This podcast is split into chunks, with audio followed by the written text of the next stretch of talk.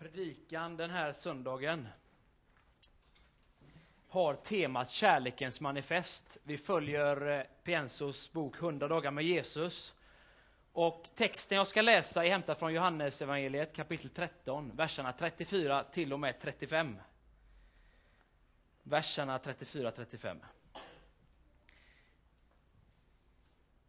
Ett nytt bud ger jag er, att ni ska älska varandra. Så som jag har älskat er skall också ni älska varandra. Alla ska förstå att ni är mina lärjungar om ni visar varandra kärlek.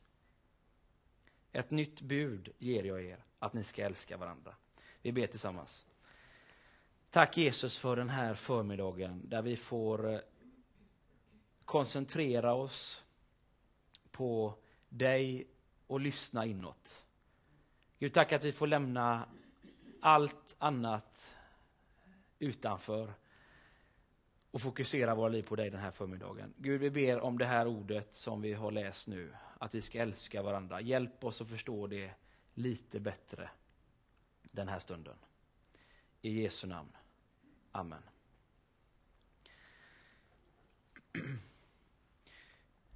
Som pastor och som predikant sa en lärare till mig återupprepar man sig ständigt. Hon fortsatte, läraren, och sa man håller egentligen bara en predikan hela livet, fast med lite olika nyanser. Och när jag förberedde den här predikan så kände jag nog lite så. Den här predikan har jag nog hållit. Vissa av de här bilderna jag kommer att berätta har, jag säkert, har du säkert redan hört ifrån mig. Men jag tror kanske snarare att drivkraften Kärnan i det jag vill försöka förmedla idag, det är egentligen det jag försöker säga ständigt och försöker leva efter. Så bli inte besviken om du har hört den här predikan innan. Moder Teresa, kvinnan som, eh, om hon inte redan är det, snart är på väg att bli helgon. Rekordtidigt, i vanliga fall i katolska kyrkan så blir man det långt efter sin död. Hon dog ju inte för så jättelänge sedan. Hon jobbade ju bland de fattigaste och de döende i Calcutta i Indien. Hon blev tillfrågad vid ett tillfälle att komma till USA på en ledarkonferens. Och efter lång övertalning så sa hon, jag kommer efter erbjudandet att då kan vi hjälpa alla dem som du hjälper.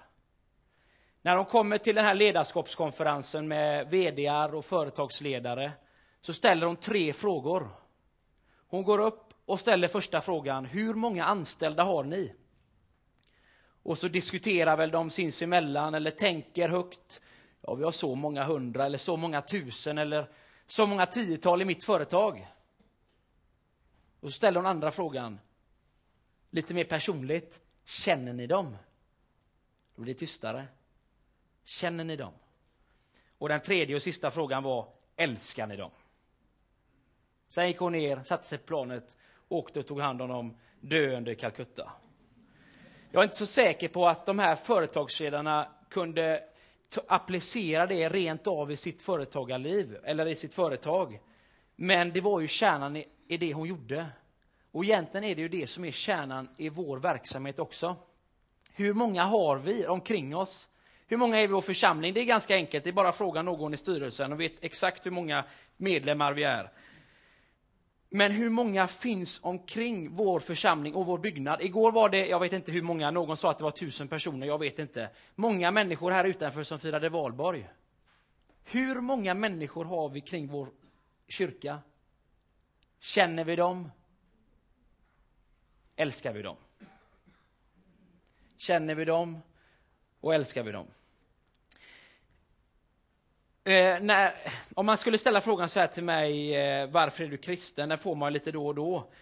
Så skulle jag nog, eh, jag skulle nog berätta en del erfarenheter, men jag skulle framförallt lyfta fram några personer som varit viktiga i mitt liv.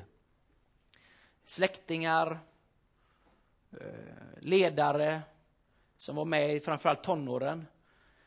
Eh, men det, det, alltså, jag, två, tre, fyra personer kanske jag skulle lyfta fram och säga att de här har betytt väldigt mycket för min personliga tro.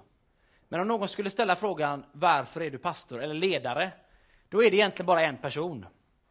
Och några av er känner honom för han är från den här församlingen. Jag behöver inte säga namn för då kanske någon går hem och ska söka upp, googla honom och så. Några vet exakt vem han är. Han kom till vår församling när jag var tonåring. Och han blev anställd som ungdomsledare. Vi var ett grabbgäng på tio stycken ungefär som höll ihop ständigt. Vi spelade fotboll ihop. Vi eh, åkte på läger ihop. Vi snackade skit ihop. Vi, ja, vi gjorde ni vet, allt som ett grabbgäng gör.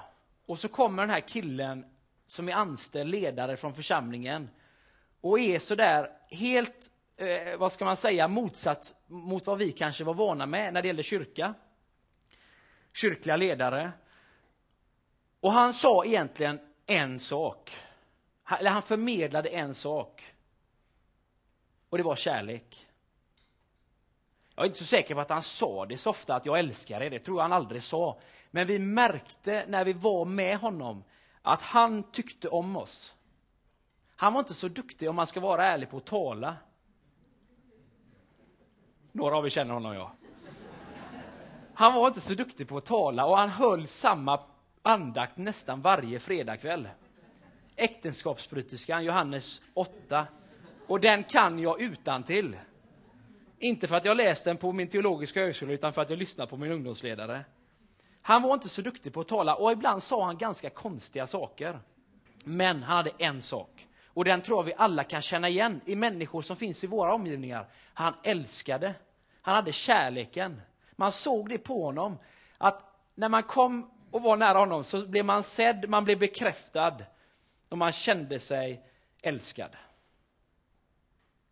Är det en person som har betytt mest varför jag är ledare så är det för att det var en som såg mig och älskade mig. Han var inte vältalig. Han var inte speciellt ja, vacker eller... Eh, ah, det blir fel nu. Det får, det får ni inte säga till honom. Eh, men, men alltså, det var inte det som var själva grejen, utan det var att han älskade. Och jag tror vi alla kan känna igen den där personen som har varit någonting extra, som har inte liksom hållit reglerna i första hand, utan som har älskat. Som jag nämnde i början så ska vi ha en eh, träff här efter kyrkkaffet där vi ska samtala om eh, SMUs framtid. Det är en viktig träff. Det är ett viktigt samtal som inte avslutas eh, i och med den träffen där uppe, utan det är ett pågående samtal. Men jag skulle vilja lyfta frågan i den här predikan. Är du en människa i vilken andra människor känner sig älskade? Är du en människa i vilken andra människor känner sig älskade? Jag satt häromdagen när jag tänkte och förbereda den här predikan. Eh, man ska försöka ha tre punkter ju. Det har man ju lärt sig. Och då tänkte jag, har, jag tre ord på min ungdomsledare som han liksom gav mig? Eller som han utstrålade? Och då kom jag fram till tre stycken punkter och det var tillåtande, varm och kristen. Tillåtande, varm och kristen. Tillåtande. Han eh, var inte den som höll i pekpinnar och sa till oss när vi gjorde fel. Eller när vi sa fel, eller när vi eh, gjorde saker och ting som kanske i kyrkans värld ansågs vara fel. Ett sånt där klassiskt exempel är när han insåg att jag sällan gick på söndags, eh, gudstjänster på söndagarna. Istället för att, att som en god pastor säga mm, nu bör du John gå mer i gudstjänsten på söndag förmiddag. Istället för att säga så, så sa han du, vi har startat en ny gudstjänst på söndag, söndag kväll. Kom dit istället. Och så sa han, det får man egentligen inte säga i en predikan, skit i söndag förmiddag och kom på söndag eftermiddag istället. Eh, jag vet inte om han hade förankrat det i styrelsen. De hade nog inte godkänt det uttrycket. Men han var tillåtande. Han såg liksom bakom de där reglerna.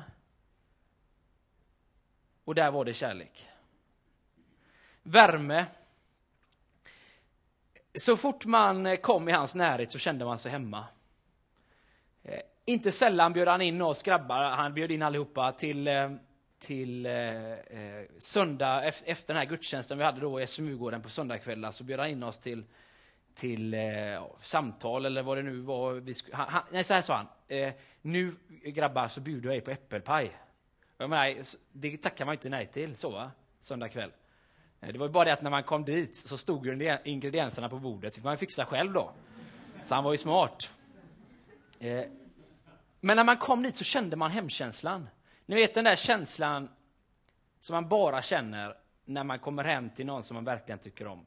Det handlar inte så mycket om yta eller om eh, eh, det är vackert hem i det yttre, utan man känner det direkt när man ringer på och kommer in och känner lukten. Alla hem har ju en lukt. Och så känner man lukten och så blir man bemött av en god, varm blick. Då känner man sig hemma. Och man säger ju ofta så när man kommer hem, det säger, det säger vi inte så sällan i vårt hem, känn dig som hemma. Det har ni hört innan, känn dig som hemma. Och ibland så känner man sig verkligen hemma. Och ibland så känner man inte alls det. Det är en sån där känsla, en varm känsla. Nu känner jag mig hemma. Sådan var min ungdomsledare. Han var varm. Och han var kristen. Han pekade på Jesus i alla lägen. I alla fall så som jag minns det. Han hade Jesus som fokus. Och det är väl egentligen det som är skillnaden mellan oss och Hallby här nere. Eller oss och någon annan förening som finns omkring. Det är ju att vi har Jesus i centrum. Vi har en person som vi alldeles nyligen firade på ett väldigt, väldigt speciellt sätt. Vi kommer ihåg hans lidande och död och uppståndelse på ett speciellt sätt. Det är ju skillnaden.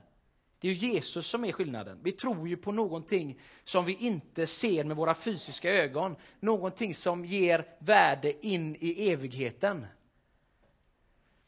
Tillåtande, varm och kristen. Och jag har en önskan när det gäller vårt barn och ungdomsarbete.